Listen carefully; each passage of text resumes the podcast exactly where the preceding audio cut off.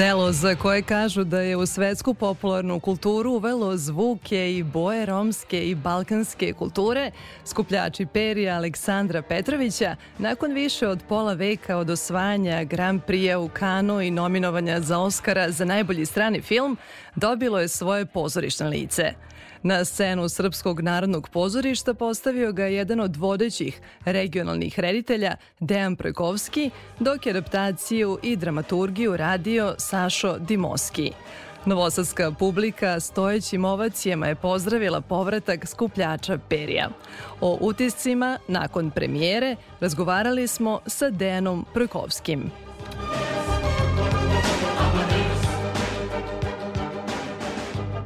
Čestitke, veličanstveno veče, sve je vrvelo od emocija, boja, letelo je perje doslovno.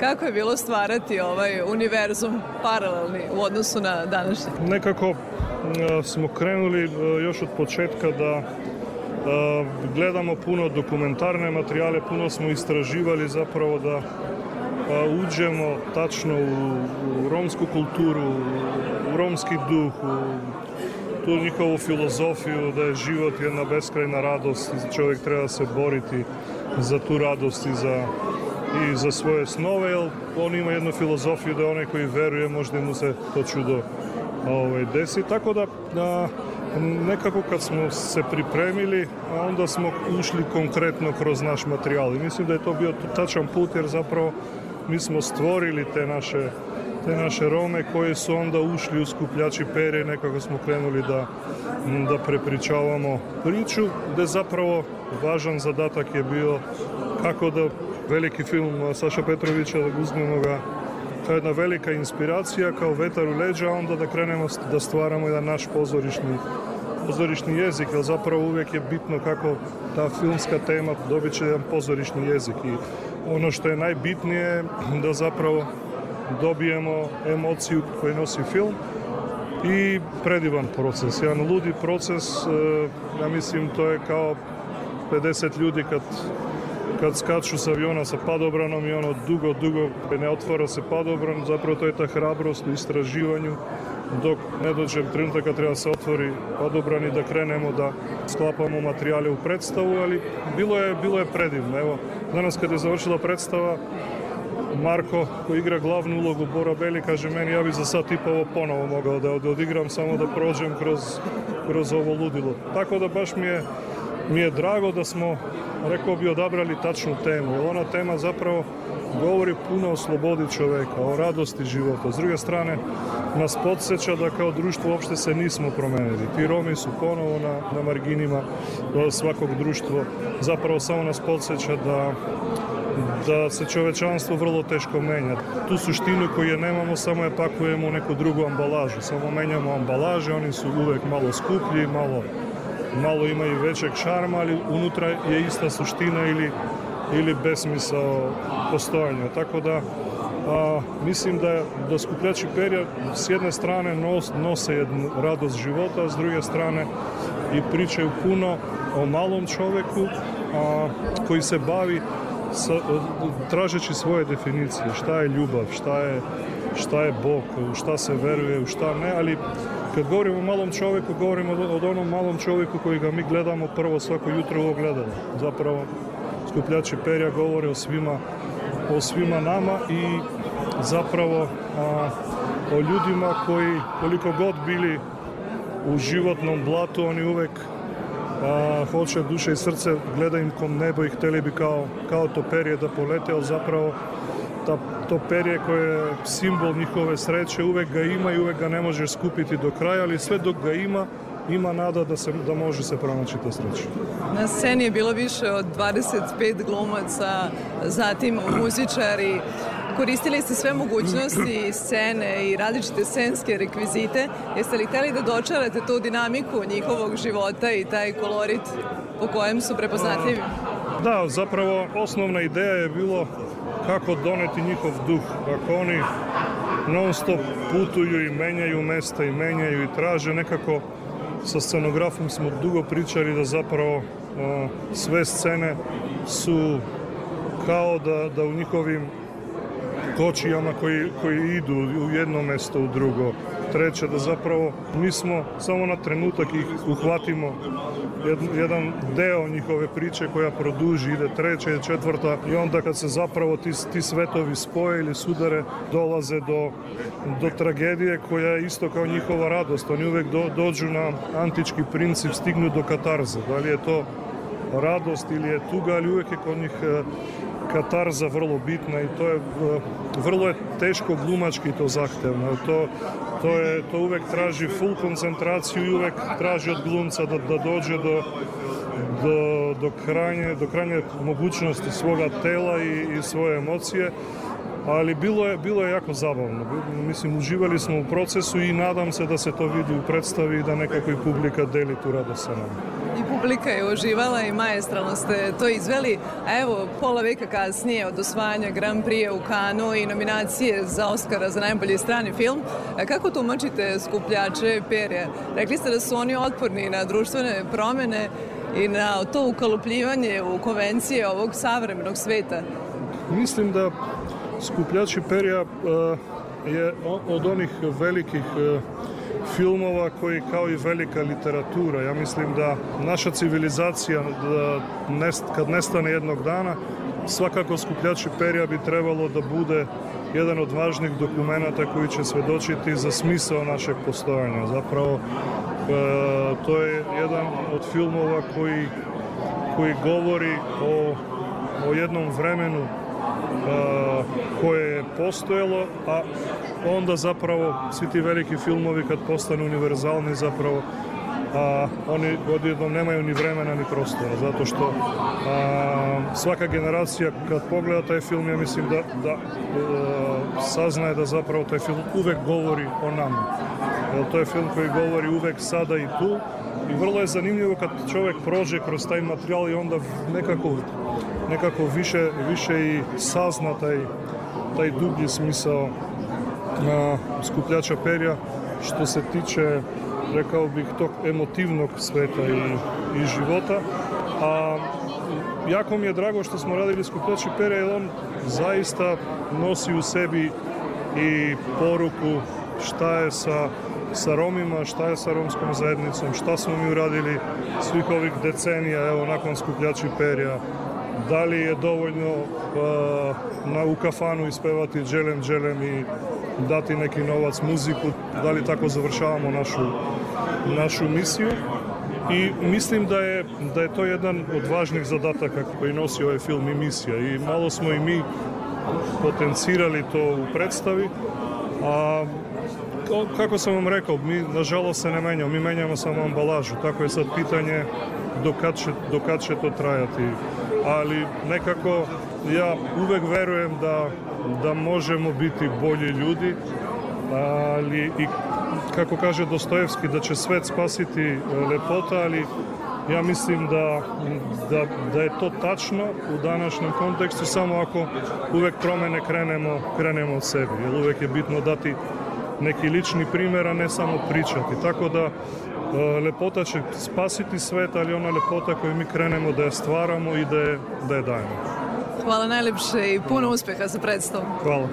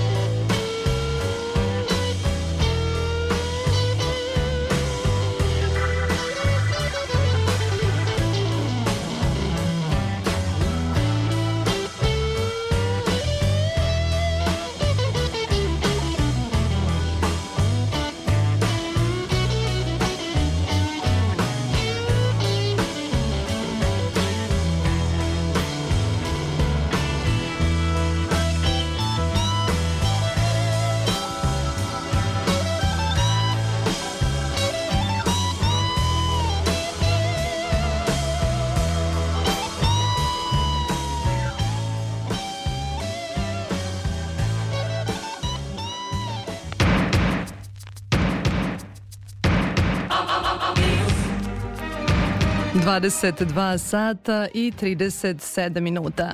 Slušate Spektar, magazin za kulturu radio Novog Sada. Sutra se završava 64. izdanje Solunskog filmskog festivala. U središtu pažnje bila je Monika Belucci, koja je predstavila film o Mariji Kalas pisma i sećanja u kojem tumači glavnu ulogu. Italijanska diva primila je nagradu Zlatni Aleksandar za doprinos filmskoj umetnosti, a u njenu čast prikazan je i film Malena. Festival je uvaličao svojim dolaskom dvostruki Oskarovac Aleksandar Payne, koji je promovisao svoje aktuelno ostvarenje Deca zime. Na ovogodišnjem programu u Solunu je 270 filmova, 11 u takmičarskoj selekciji. Našu zemlju predstavlja film Moj jutarnji smeh Marka Đorđevića. Kada reč o regionu, u nekadašnjoj selekciji Panorama, koja je proširena i nosi naziv Upoznajte susede, prikazan je bosansko-hercegovački kandidat za Oscara film Ekskurzija rediteljke Une Gunjak. Sa njom je razgovarao kolega Goran Vukčević. Una Gunjak, autorka e, filma Ekskurzija i jedna tema e, opet prilično bolna i aktuelna to su tinejdžeri, to su odnosi među tinejdžerima, odnosi među starijima, između starijih i tinejdžera. Ovde problematika e, ranog stupanja u intimne odnose, uopšte e, nekih, e, nekih delikatnih situacija među tinejdžerima u nekim najosetljivim godinama. Una, kako, kako si se zainteresovala baš za ovu temu? Čuli smo u razgovoru da je u suštini podsticaj bila ta vest, da li je lažna, da li je istinita od sedam trudnih tinejdžerki posle ekskurzije. Pa da, ono što je mene u čitavoj toj priči o, toj, o tom skandalu zainteresiralo jeste ovaj, reakcija javnosti uh, na taj skandal. One su uh, te djevojčice, djevo, mlade djevojke su nazivane pogrdnim imenima, osuđivane su, sramljene su, uh, po, po, počinjali su da se počinjali da priče koje su se potezale su uh, absurdne, banalne, uh, toliko nevezane sa, sa suštinom problematike da ovaj da je to bio u suštini po, po, povod da, da se bavimo ovom temom. Meni je posebno uh, zanimljivo što su uh, mladi ljudi u suštini nisu profesionalci i što glumci toliko ubedljivo funkcionišu, a ovde su skoro, skoro svi protagonisti tinejdžeri osim par profesionalaca koji uglavnom igraju starije. Uh, kako, si, kako si radila sa njima da deluju toliko ubedljivo? E, pa tražila sam da bitišu, a da ne, ne, ne, ne glume. E, a zato što im je bliska i tema. Pa da, bliska im je i tema, ali mislim da, da, da su oni u stanju svašta da rade, samo što, što je bilo krucijalno da shvate je da da želimo da ono ja, žel, ja ne želim ništa ono što oni ne mogu da mi daju. Ne želim nikakav performans, ne želim ništa nešto što je njima strano kako se ponašaju i trebalo je to doći do toga, ali onaj ali, Morala si ući u njihov svet. Da, morala sam biti uh, dio njih. E, da, koliko su bili otvoreni za saradnju? Veoma, veoma, veoma. Stvarno su mi puštali, mislim, e, bili su vrijedni, bili su uh, kreativni, bili su strpljivi sa mnom i sa, sa, sa zahtjevima. Njima je to bilo, mislim, fizički naporno. Bilo, imali smo 12 noćnih snimanja. Naravno, prvi put, prvi dan im je to sve zabavno do 2 sata ujutru. Jedu puno slatkiša i piju puno kafe, niko ih ne, ništa ne govori. Ali ovaj, u 2 sata ujutru im se spava, mislim. Spava se imenija, ali da, ne možemo spavati, ali mora se snimati. Tako... Da, u stvari, novost je o, o, oni svi koji vole, uh, koji vole da snimaju filmove, oni kad se suoče sa time shvataju koliko je to naporno radi, koliko je tu mnogo čekanja, mnogo vremena se tu troši. Upravo snimamo jednu seriju u Sarajevu, između ostalog imali smo priliku da radimo sa ljudima iz federalne policije koji su bili onaj s nama na setu i ovaj kad su ljudi iz federalne policije rekli ja što je vama, ja se nisam na radio ovako već, već ne znam ni ja koliko. Tako da je to otprilike to. Kakva je situacija u BiH što se tiče kinematografije, produkcije? Pa što se tiče kinematografije i produkcije je situacija ista zadnjih 20 pa recimo, ne bih rekla 30, ali to može sigurno 20 godina. Mislim, imamo neku standardnu produkciju od jednog do dva filma godišnje, što se toga tiče, ništa se nije promijenilo. Ono što se drastično promijenilo i što je za svaku pohvalu je produkcija serija, koja je financirana strane BH Telekoma koja daje priliku ne samo autorima da se realizuju u tom formatu, ne samo glumcima da stječu iskustva na ekranu, daje priliku da se filmski radnici formiraju ono što je prijeko potrebno na Bosni i Hercegovini zato što do prije dvije, tri godine smo bili u situaciji da nismo mogli imati dvije filmske produkcije u isto vrijeme zato što jednostavno nema dovoljno filmskih radi. Da, radi. Znači, ljudi bez kojih ne možete, ne možete raditi bez nekoga ko radi scenu, ko, ko radi svjetlo, jednostavno ne može, ne postoji. Tako da sad, sad mladih producenata, tako da ta produkcija serija koja je počela prije ako se ne varam, dvije, možda malo, malo ranije, dvije godine, je zaista dala, otvorila jedno divno tržište u, u Počela da da stvara kadrove. Sva, da, stvara kadrove, stvara, stvara profesionalce, stvara ljude koje, koje da, mogu da se... To je slično kao i u Srbiji gde je krenula produkcija serija upravo, baš velika. Upravo. I dobili su priliku glumci koji možda nikad nisu radili ništa osim teatra da, da dobiju svoj prostor Tako u serijama. Je. E, zanimljivo mi je još samo, hoću to da pomenem, video sam, e, pored tvog sjajnog filma, video sam i film u stvari koji je deo serije, film Jasmile Žbanić, e, znam kako dišeš. To je isto problematika tinejdžera, znači bavi se sličnim prostorom kao i tvoje ostvarenje, ali je zaista to izuzetno kvalitetno. Dakle, ovde mogu da kažem, eto, filmska produkcija BiH na velika vrata na festivalu u Solunu. E, hvala, hvala lijepo na tom komplimentu, da, da, ovaj... E... Obzirom da nije velika produkcija, sjajno. Ma, malo nas je, ali, ali o, razbijamo. E, hvala ti mnogo. Ovo je bila Una Gunjak, rediteljka iz Sarajeva. Govorila je za Spektar Radio Novog Sada. Hvala vam, pozdrav svima.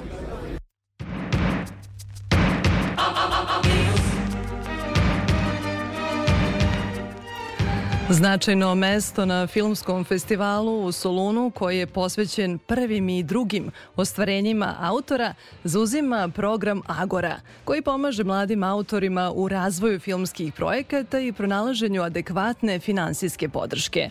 Ove godine u njemu je učestvovala i Aleksandra Božović, direktorka Filmskog centra Crne Gore.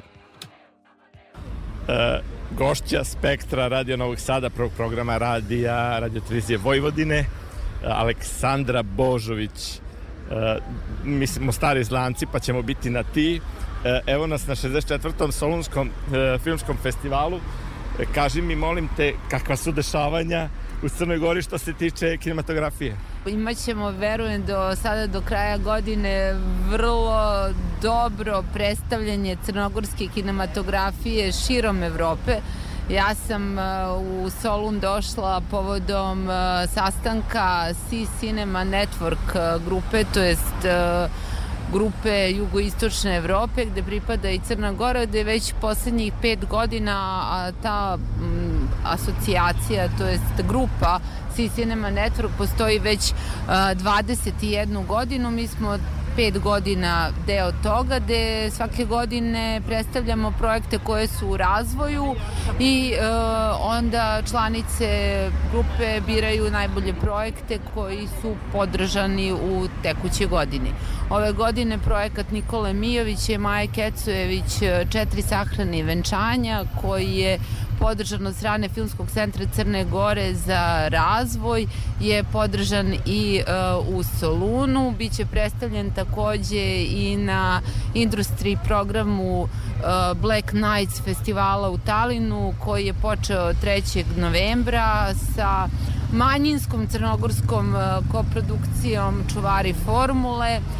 Imamo svetsku premijeru filma Ivana Marinovića živi i zdravi u Talinu 16. novembra imamo premijeru uh, crnogorskog uh, filma Nemanje Bečanovića uh, tako da imamo eto velike stvari koje možemo da pokažemo i prikažemo e, Da, pa kako da kažem, nije velika produkcija, ali izađe ponešto vrlo značajno. Pa ne mislim da nije velika produkcija, ono što jeste vrlo bitno da Filmski centar Crne Gore postoji već e, ili tek šest godina i da je ono e, što sada izlazi u stvari posledica kontinuiranog finansiranja e, i u razvoj crnogorske kinematografije. Sledeće godine nas očekuje još premijera, tako da o, tu smo pa da vidimo koliko smo dobri i veliki. E, hvala lepo. Bila je ovo Aleksandra Božović, direktorica Filmskog centra Crne Gore.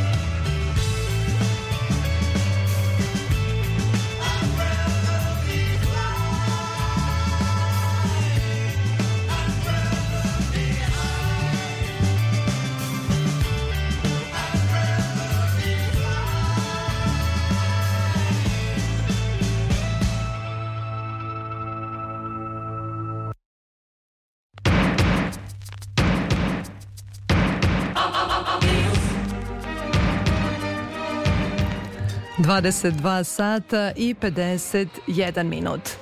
Nakon filma u emisiji Spektar govorimo o književnosti. Karl Markus Gauss, jedan od najznačajnijih austrijskih pisaca, gostovao je u Novom Sadu. Povod za njegov dolazak su dve njegove knjige prevedene na srpski jezik, avanturističko putovanje kroz moje sobe ove godine i u muzeju odbačene budućnosti iz prošle, obe u izdanju akademske knjige. U potonjoj, putopisnoj, govori i o Vojvodini.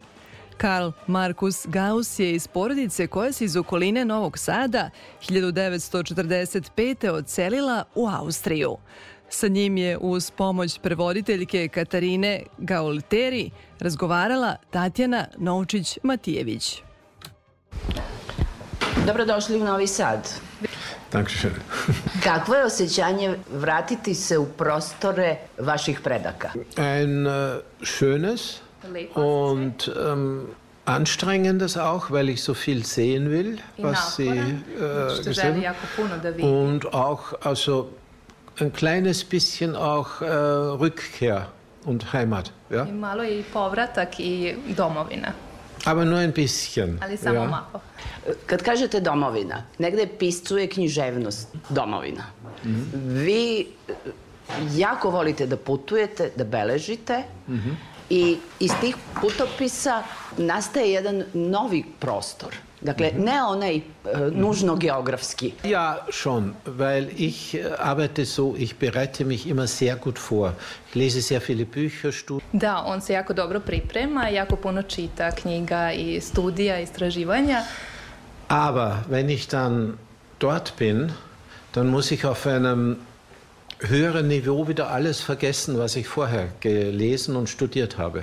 Ja? Ali kad je na putovanju, on mora uh, na nekom višem nivou da zaboravi opet sve što je prečuo i video, Und dann čitao. kommt das, was ich sehe und das, was ich höre und was ich fühle. Und da weiß ich wieder nicht sehr viel am Anfang, aber ich weiß vieles, ich weiß vieles nicht, aber auf einem höheren Niveau als vorher. uh, on onda ima ono što vidi, ono što čuje i ono što osjeća.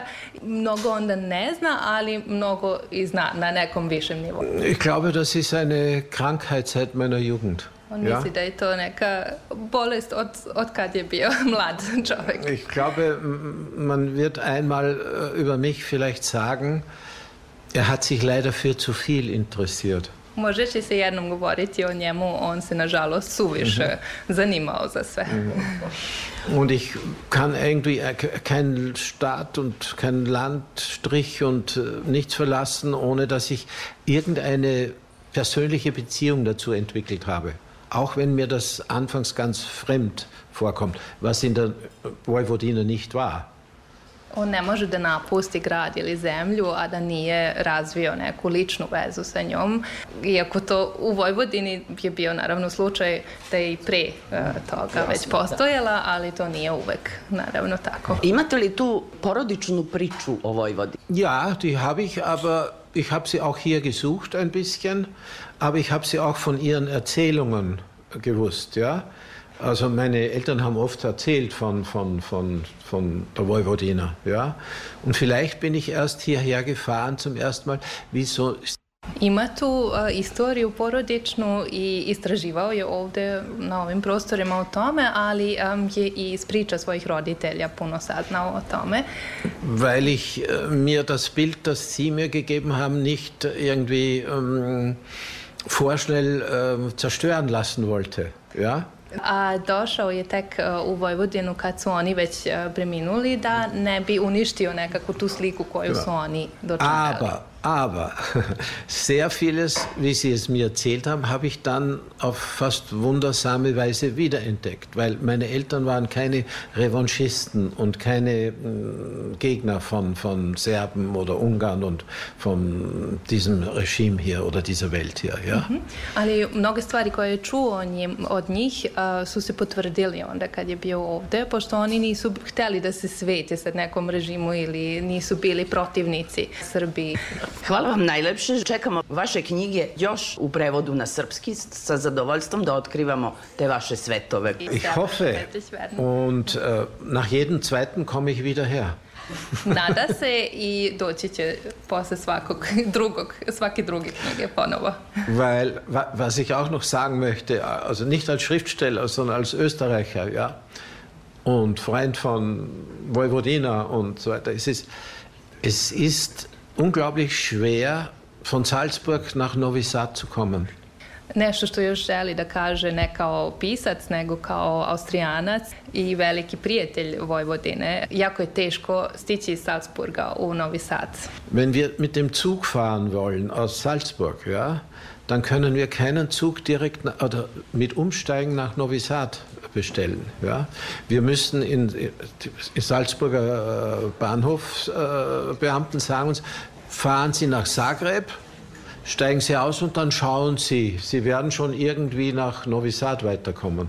Kaže da ne mogu direktan voz da nađu ako žele vozom da putuju ili voz sa prezedanjem u Novi Sad, nego e, službenici železničke stanice u Salzburgu im kažu dobro vozite se do Zagreba i onda izađite iz voza pa ćete već videti kako to. Das war früher viel leichter.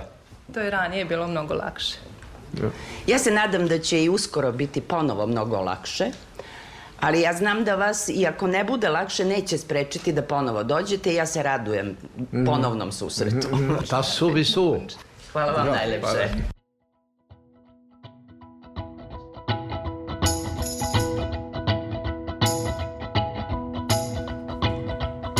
I want somebody to tell me Answer if you can I want somebody to tell me just what is the soul of a man. I'm gonna ask a question. Answer if you can. Can somebody out there tell me just what is the soul of a man?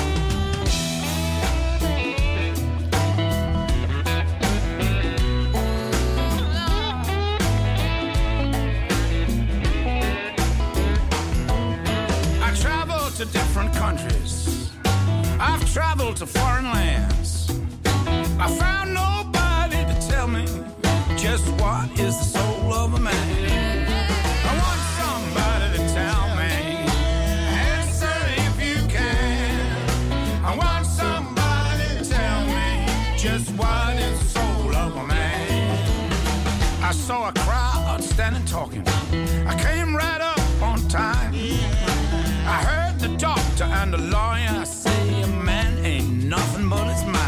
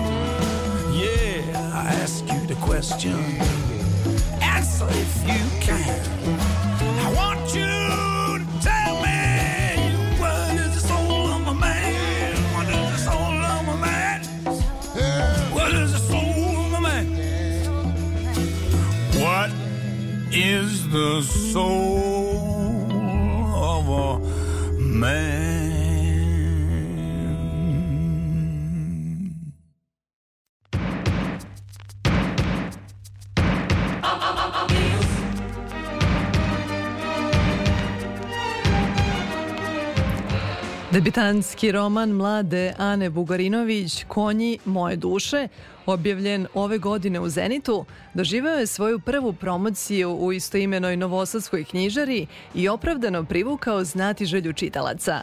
15. novembra biće predstavljen u Beogradu u umetničkom prostoru Kvaka 22, što je, kaže autorka, tek početak njene književne turneje. Zašto je reč o jednom od najhrabrijih literarnih podviga u savremenoj književnosti, saznaćemo iz razgovora koji je sa Anom Bugarinović vodila Isidora Bobić. Tvoja knjiga Prvenac, veoma slikovitog i poetičnog naslova Konji moje duše, dospela je u moje ruke. Ja sam stekla utisak da je reč o jednoj uh, organskoj prozi. Ta, ta mi reč prva pada na pamet, koja se onako osjeća i pod prstima i uh, ima ukus i miris i veoma je životna. Uh, u takvo jedno pismo utkana je priča o junakinji koja je, rekla bih, podeljena na dve sebe, na svoju ulogu i status u društvu, odnosno ono kako je zajednica vidi, senjenu karijeristkinju, akademsku profesorku, vidjet ćemo zašto je to značajno, ali i na intimnu sebe, na sebe sanjarku. E sad, e, u tim intimnim sanjarenjima rađa se jedno posebno iskustvo, a to je čežnja žene za ženom. Veoma mi je važno da preciziramo da li si govorila o lezbijskom iskustvu ili o jednom širem ženskom iskustvu koje je možda poznato ženama i koje se ne opredeljuju kao da su deo uh, LGBT populacije u društvu. Pitanje je sjajno, hvala ti pre svega. Jedna njena polovina jeste uh, akademska, jeste građanska, ali nikako i malograđanska. Njena druga polovina je fokusirana na njenu unutrašnjost, na njen misaoni habitus koji je ona godinama gradila. Međutim, mi govorimo o junakinji koja je vrlo emocionalno inteligentna u smislu mapiranja sobstvenih emocija. Sa tim ciljem ona pronalazi načine da dođe do stvari koje je duboko ukopala u sebi. Na to su uticale mnoge stvari iz njenog detinstva, na to su uticali njeni odnosi sa roditeljima, na to je uticalo društvo i sve društvene stege koje su zapravo nju izgradile kao individu, jer junakinja ima 36 godina, profesorka je na fakultetu i predaje etiku Nije ni slučajno zašto je u pitanju predmet etika, ali svakako je koncept e, njenog bića vrlo slojevit i priča o njoj je upravo i takva ti si ovaj roman unela i neke elemente akademskog romana. E, atmosfera studenjaka, atmosfera fakulteta, zašto je ona bila nasušna da bi se priča ispričala? Zato što je važno da demistifikujemo jedan pojam lezbejstva, koji je ovde vrlo banalizovan, do te mere da se smatra da je e, lezbika žena koja ima kratku kosu, koja se ponaša kao muškarac i koja ne pripada tim višim elitnim slojevima. To je zapravo poenta zašto što je glavna junakinja ove knjige upravo žena koja je vrlo uspešna, koja je akademski obrazovana i osvešćena pre svega.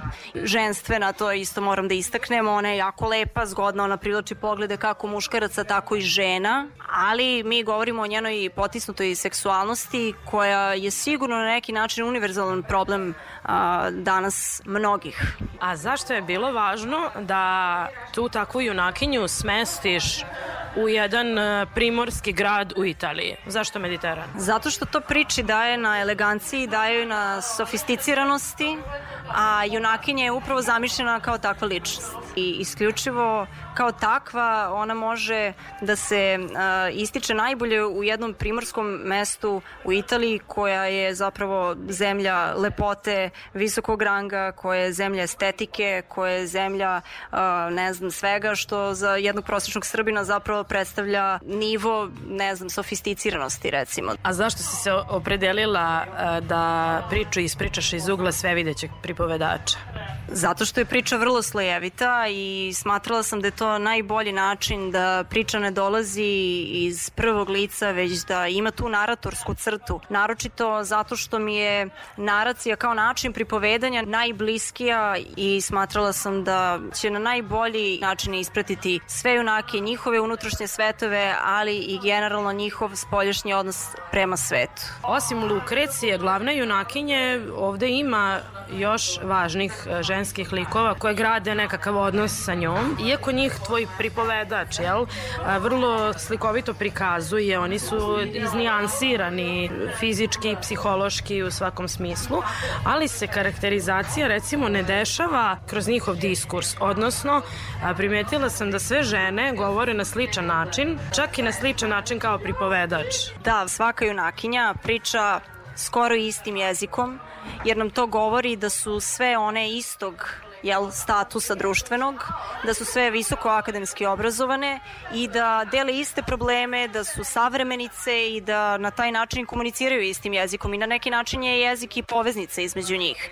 Tako da ono što je meni fascinantno u književnosti i u svakom književnom delu jeste kada pisci imaju tu različitost govorenja junaka, ali sam sa namerom se priključila ovoj drugoj struji.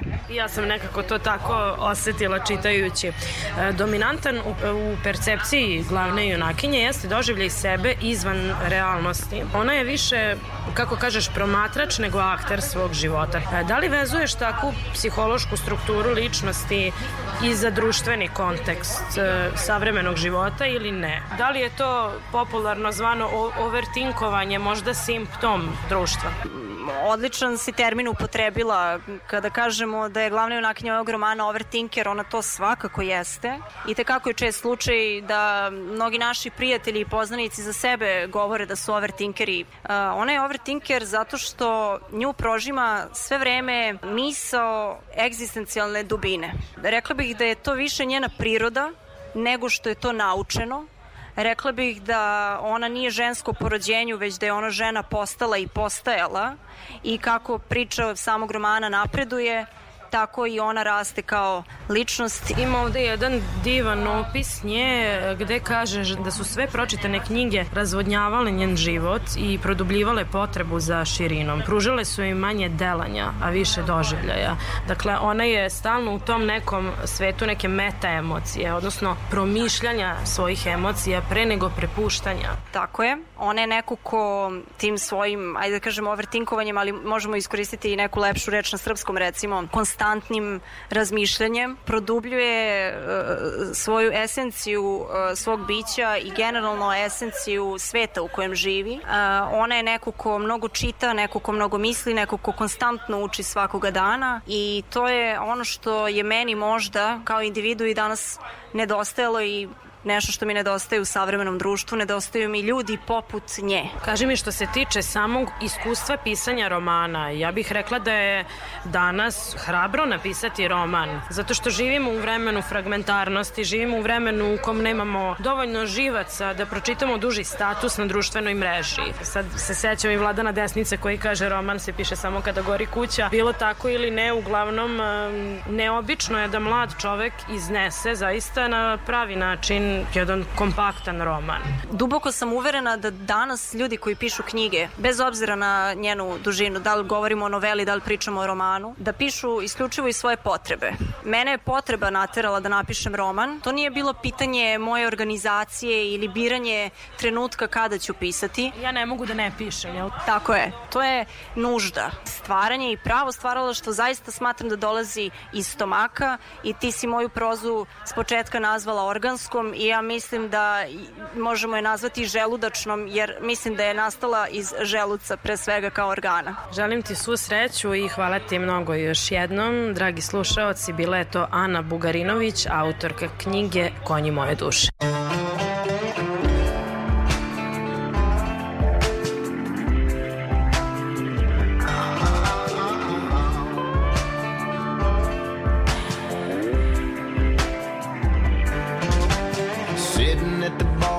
Shot and a cold beer, neither one's doing the job.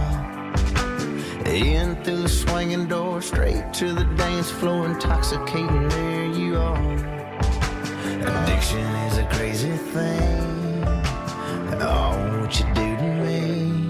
Nothing gets me drunk like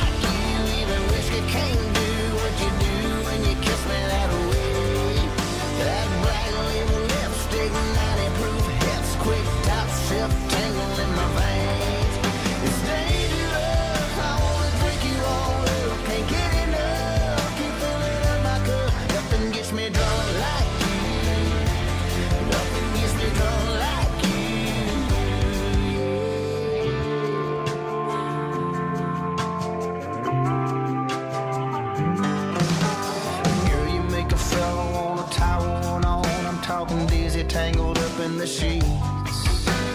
Sip, sip, sip you, baby, till you're gone,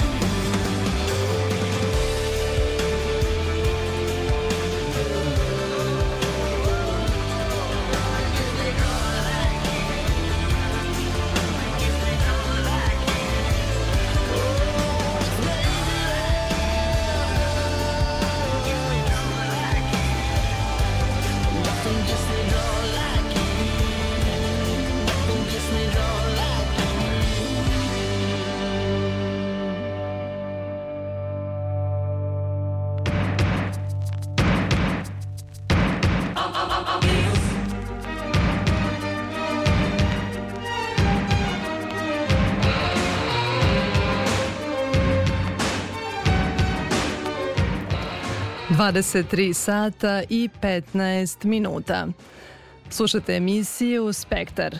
U gradu koji se nedavno našao na prestižnoj UNESCO-voj listi u kategoriji digitalnih i novih medija, Novom Sadu, otkrivena je savremena skulptura posvećena pioniru elektronske muzike u bivšoj Jugoslaviji, Mitru Subotiću Subi, takođe dobitniku UNESCO-ve nagrade. Autor idejnog rešenja i pobednik Vajarsko-arhitektonskog konkursa za izradu skulpture Milan Kulić svojim minimalističkim delom predstavio energiju subinog stvaralaštva, inspirisan jednostavnošću i slojevitom sadržajnošću njegove muzike koja je osvojila svet. Idejno rešenje za skulpturu odabrano je u sklopu konkursa koji je prethodno raspisala Fondacija Novi Sad, Evropska prestonica kulture, u saradnji sa Fondacijom Mitar Subotić Suba. Reč je o jednom od legata projekta Evropske prestonice kulture na samom ulasku u Limanski park, kaže direktor fondacije Novi Sad Evropska prestonica kulture Nemanja Milenković u razgovoru za naš radio. Kakvu simboliku nosi skulptura posvećena Subi ili time i Limanski park postao možda i najveći čuvar uspomena na pionira elektronske muzike kod nas? Ovo je definitivno nešto što će obeležiti svaki ulazak i izlazak iz našeg grada, naročito sa otvorenom galerijom i jarbolima koji su od njegovog rođena 23. juna ove godine posvećeni njemu. I kada imate mesto koje se zove Subim Plato, koje je sada konačno je zaokruženo ovom savremenom skulpturom, čini mi se da se dobila jedna punoća u kojoj je Novi Sad dvostruko dobio. Dakle, ne samo kroz njega što je bio preteče vizionar da on već sam bude nosilac UNESCO nagrade 1988. godine, nego u istom trenutku kada je Novi Sad to dobio u okviru novih i, i digitalnih umetnosti i medija i na neki način još jednom bio preteča samog Novog Sada u, u kom je ponikao sa Savao.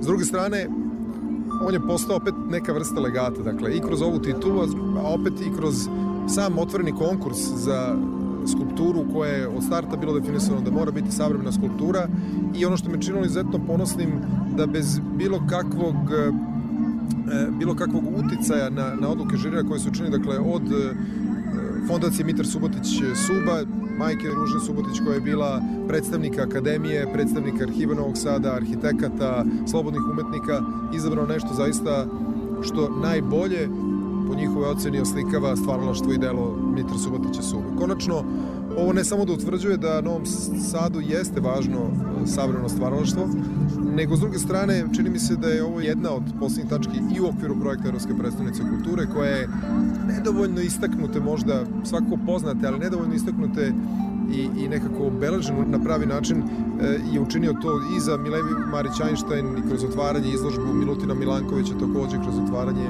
Zeniteum i kroz izložbu konačno Milicu Tinović Crpkinju i mnoge druge koje smo obeležili u tom procesu.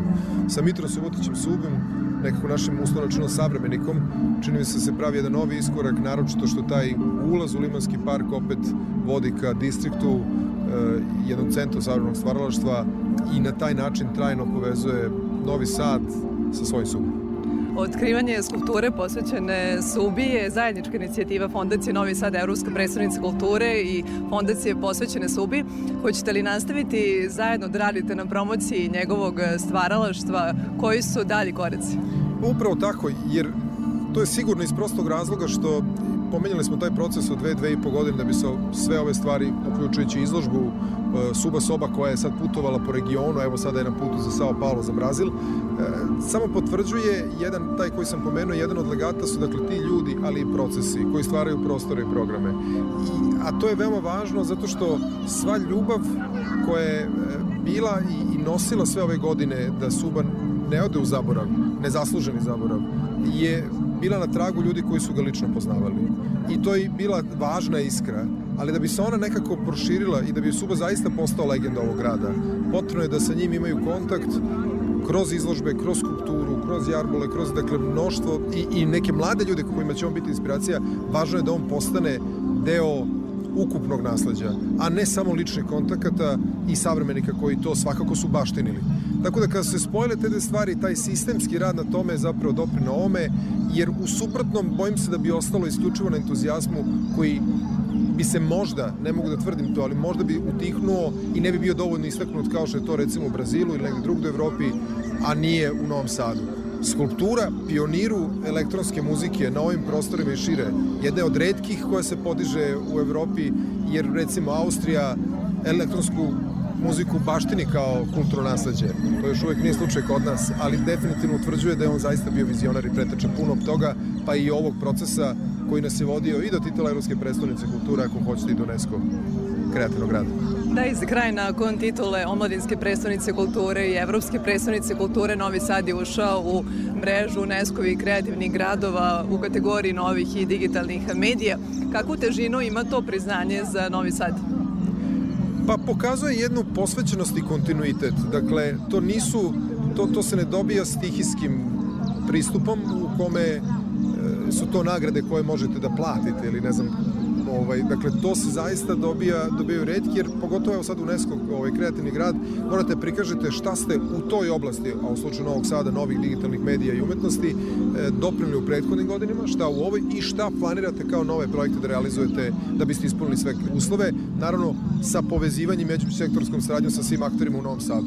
U tom smislu pokazuje kontinuitet i te uspostavljene strategije koje Novi Sad ima od 2016. godine i kandidature za Evropsku predstavnicu kulture, a koja se okončava u ovom prvom ciklusu 2026. kao 20-godišnji proces i čini mi se da taj kontinuitet, posvećenost i postavljeni jasni ciljevi u stvari onda kao posledicu imaju ove nagrade koje same po sebi nisu cilj, ali su rezultat takvog pristupa i rada, jer po meni Novi Sad je zaslužio da ima i za muziku i za književnost, možda neke druge dakle, oblasti, međutim čini mi se da je veoma važno da baš ovim linkom koji povezuje Novi Sad sa Suvom, da u oblasti savremenih i novih medija kao grad koji i slovi za neki centar kulturnih i kreativnih industrija pokaže da je u tom segmentu deo savremenih svetskih tokova u kulturi umetnosti.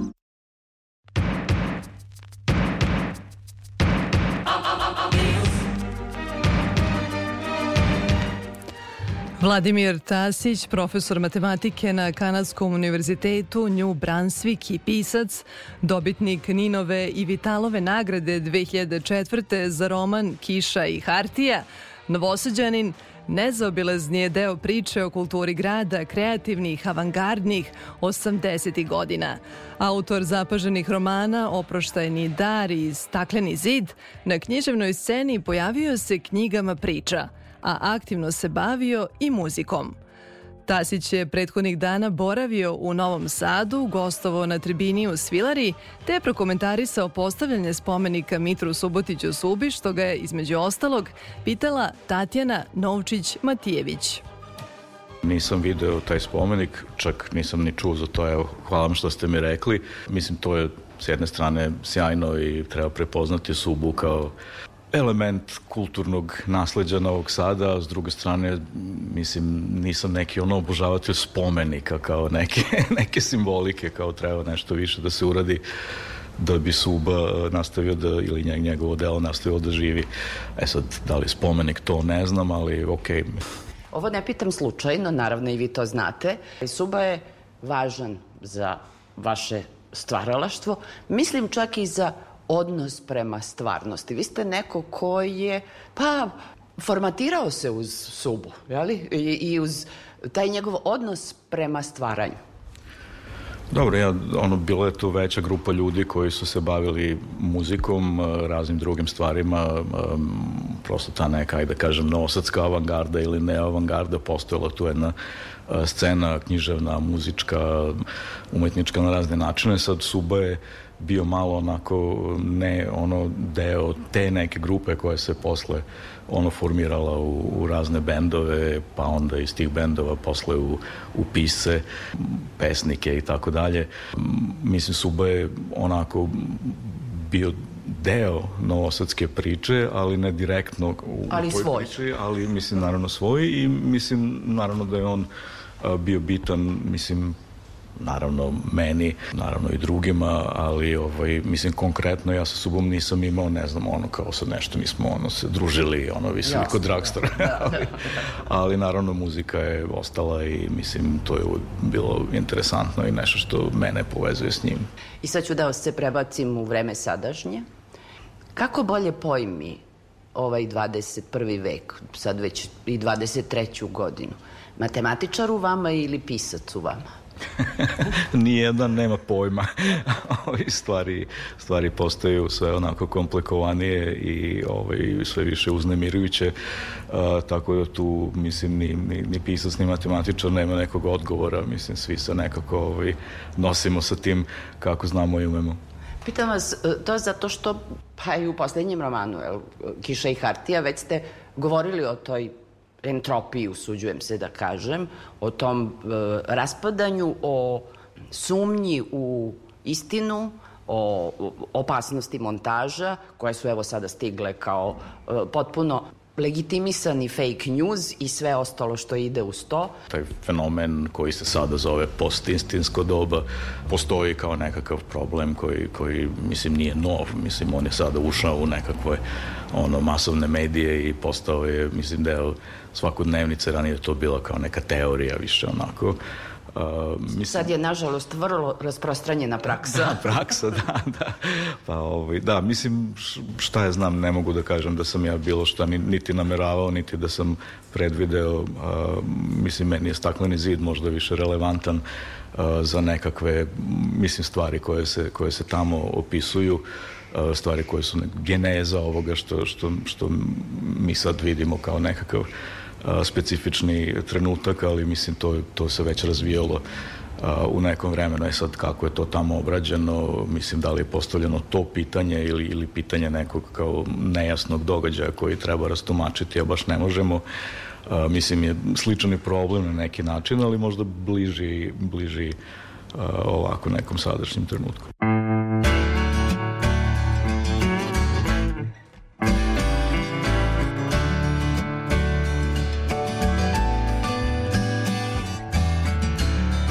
There's a blackbird sitting in the old oak tree.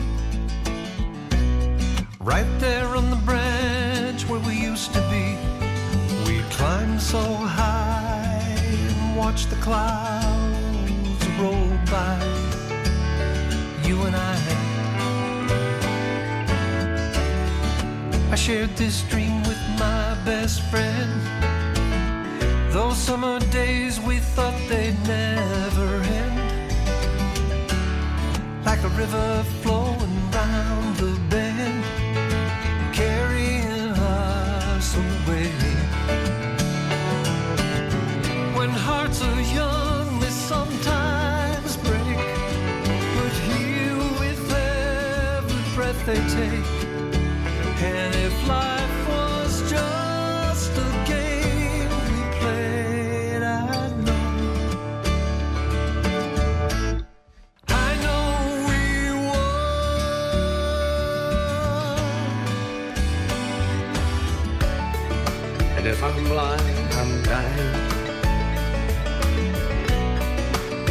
Still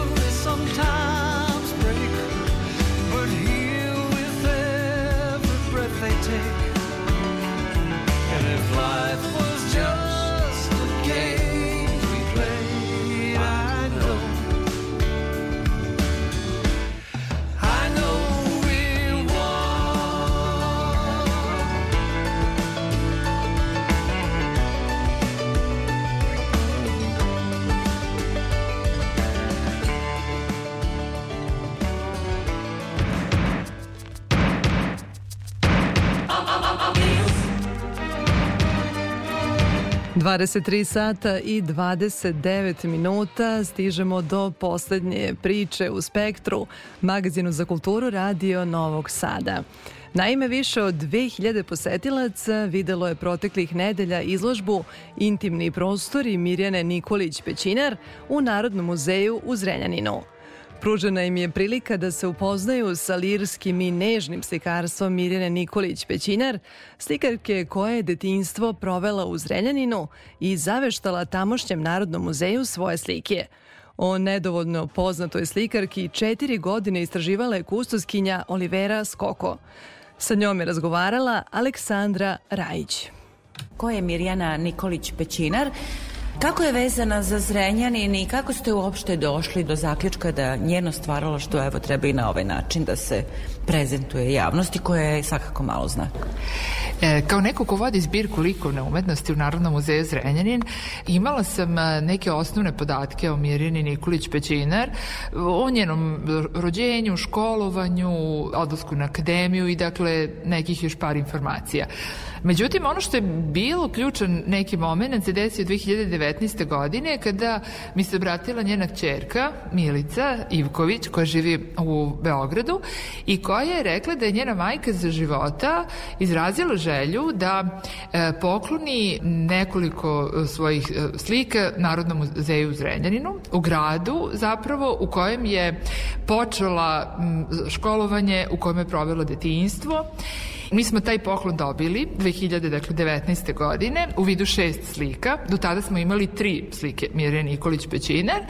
Dobili smo dakle još tih šest slika i naredne godine Draginja Maskareli, moja koleginica, muzijska savjetnica iz Muzeja primenjene umetnosti u Beogradu, je takođe izrazila želju da pokloni jednu sliku Mirjana Nikolić Pećinar s obzirom na to da su se njen otac, slikar Mario Maskareli i Mirjana družili imali ateljeje u takozvanom češkom paviljonu na starom sajmištu. Tako je slikala Draginja. Tako je. E, to je ta zanimljiva priča koju evo mogu i sad dakle, da, da, da ispričam. Dakle, s obzirom na to da su se Mario i Mirjana družili, uh, Mirjana imala atelje na prvom spratu, Mario na prizemlju, Mala Draginja, u to vreme četvorogodišnje devojčice, je jako volila da boravi u ateljeju upravo kod Mirjane. Mirjana imala onu stolicu, stolicu za ljuljanje, tu takozvanu tonet stolicu, gde je Draginja znala da se tako zaljulja i Mirjana jednom prilikom nju i slikala, dakle upravo kao četvorogodišnju devojčicu i to je slika koju je Draginja čuvala eto sve do pre par godina u svojoj kući, a onda je odlučila da pokloni našem ovaj muzeju. Ono što je zanimljivo jeste da je godinu dana nakon što je nastala ta slika e, na kojoj je mala Draginja, Mario Mascarelli odlučio da na neki način uzvrati svoju kolegi koleginici Mirjani tako što je onda slikao Mirjaninu čerku Milicu, u to vreme 25-godišnju devojku, Tako da na ovoj izložbi sam ja odlučila da uvrstim i tu sliku Mario Maskrelija gdje je prikazana Milica Mirina čerka i da obe zapravo te slike stavim jednu pored druge, dakle jednu devojčicu i jednu devojku, a sve to u jednom improvizovanom ateljeu koji bi trebao da podsjeti na atelje kakav je Mirjana imala Od 1952. godine je ona bila u tom ateljevu na starom sajmištu, pa sve zapravo do, do kraja svog života ga ona koristila, dakle, ovaj, do 2000 i desete e, godine.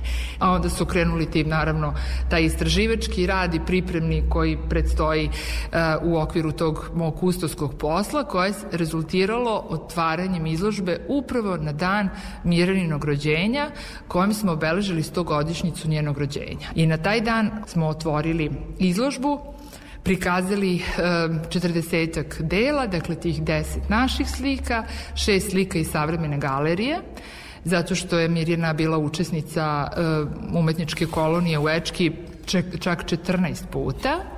I naravno ono što čini najveći deo jeste upravo ono što čuva čerka Milica, dakle neki dvedesetak radova, dokumentaciju i kažem ta neka lepa sećanja pa čak i lične predmete koji su pomogli da napravimo rekonstrukciju jednog ateljeja. Jedan fini duh 50-ih, 60-ih pa i 70-ih godina vidi se na ovim slikama, jedan fini lirizam. Šta je to zapravo karakteristično za njeno slikarstvo? E, pa to je ono što upravo ste sa sve rekli i što se može u jednoj reči reći taj, to intimno slikarstvo. Ne treba zaboraviti da je ona završila akademiju kod uh, profesora Nedeljka Gvozde, Gvozdenovića, naj, najpoznatijih primera zapravo slikara uh, koji su se kretali u tom intimističkom ovaj, krugu. Za njega su govorili da je on slikar malih stvari i ja bih rekla da je to i Mirjana uspela da uradi. Kad kaže mali stvari, mislim na to da je on znao da prikaže i neki i glavicu kupusa i povrće, voće, mrtvu prirodu, šta god, u jednom divnom tom, kako ste vi rekli, lirskom intimnom krugu.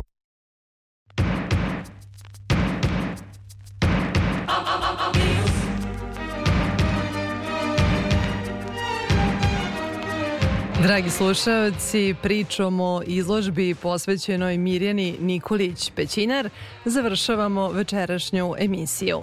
Ukoliko ste se kasno uključili, Spektar možete da poslušate na sajtu RTV-a na odloženom slušanju.